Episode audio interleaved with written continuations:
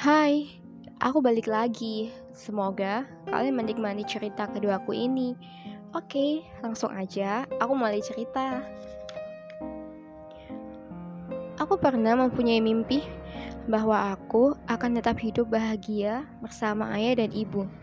Keluarga ini akan tetap baik-baik saja, hangat dan penuh kasih sayang. Tapi mimpi tetaplah mimpi dan itu tak terwujud dalam hidupku.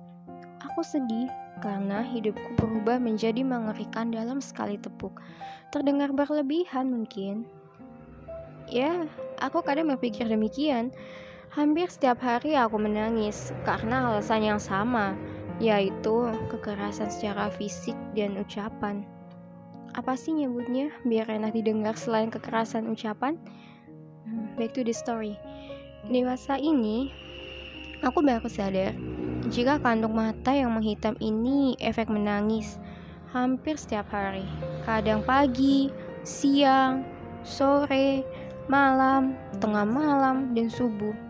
Cengeng sih, tapi mau gimana lagi? Aku cuma bisa nangis.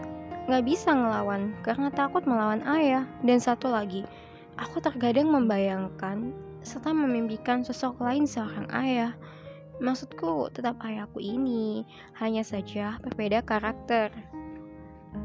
Aku memimpikan mempunyai ayah yang baik hati, tidak kasar, tidak jahat, tidak mudah marah tanpa alasan, tidak melakukan kekerasan, dan tidak egois. Sampai aku sering bermain rumah-rumahan dengan boneka Barbie yang kupunya sedari kecil dulu. Dalam rumah itu ada ayah, ibu, dan aku, dan kami hidup bahagia. Begitu manis halusinasi ini memang. Mungkin aku sudah terlihat kurang waras.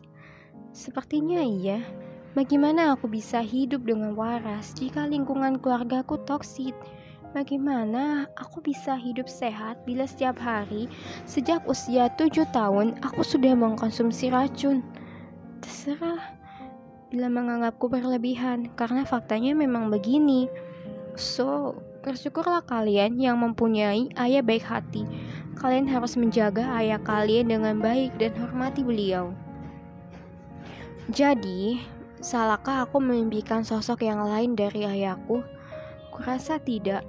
Bukannya ingin mencari pembenaran sendiri, tapi ini wajar karena setiap anak tak berhak diperlakukan secara buruk seperti ini oleh ayahnya. Aku akan tetap memimpikan memiliki ayah yang baik. Aku juga tetap menyayangi ayahku, meski ayahku jahat padaku. Beliau tetaplah ayahku, meski begitu buruk. Namun aku percaya bila masih ada kebaikan di dalam diri ayah padaku.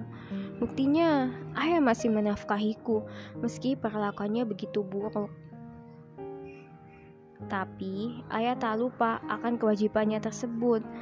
Teruntuk ayah, Maafkan aku yang telah memimpikan dirimu sebagai sosok yang lain, sosok yang telah sosok yang lebih baik. Aku tetap menyayangimu, Ayah, dan halusinasi akan sosok dirimu yang lain. Ini aku tetap ada di dalam otak dan hatiku. Siapa tahu akan terwujud. Sekian dulu untuk episode kali ini dan salam untuk ayah kalian. Semoga beliau sehat selalu. Dan maaf ya kalau ada salah kata dalam podcast ini karena aku memang kurang konsentrasi. Maaf banget. Dadah. Tunggu episode selanjutnya ya.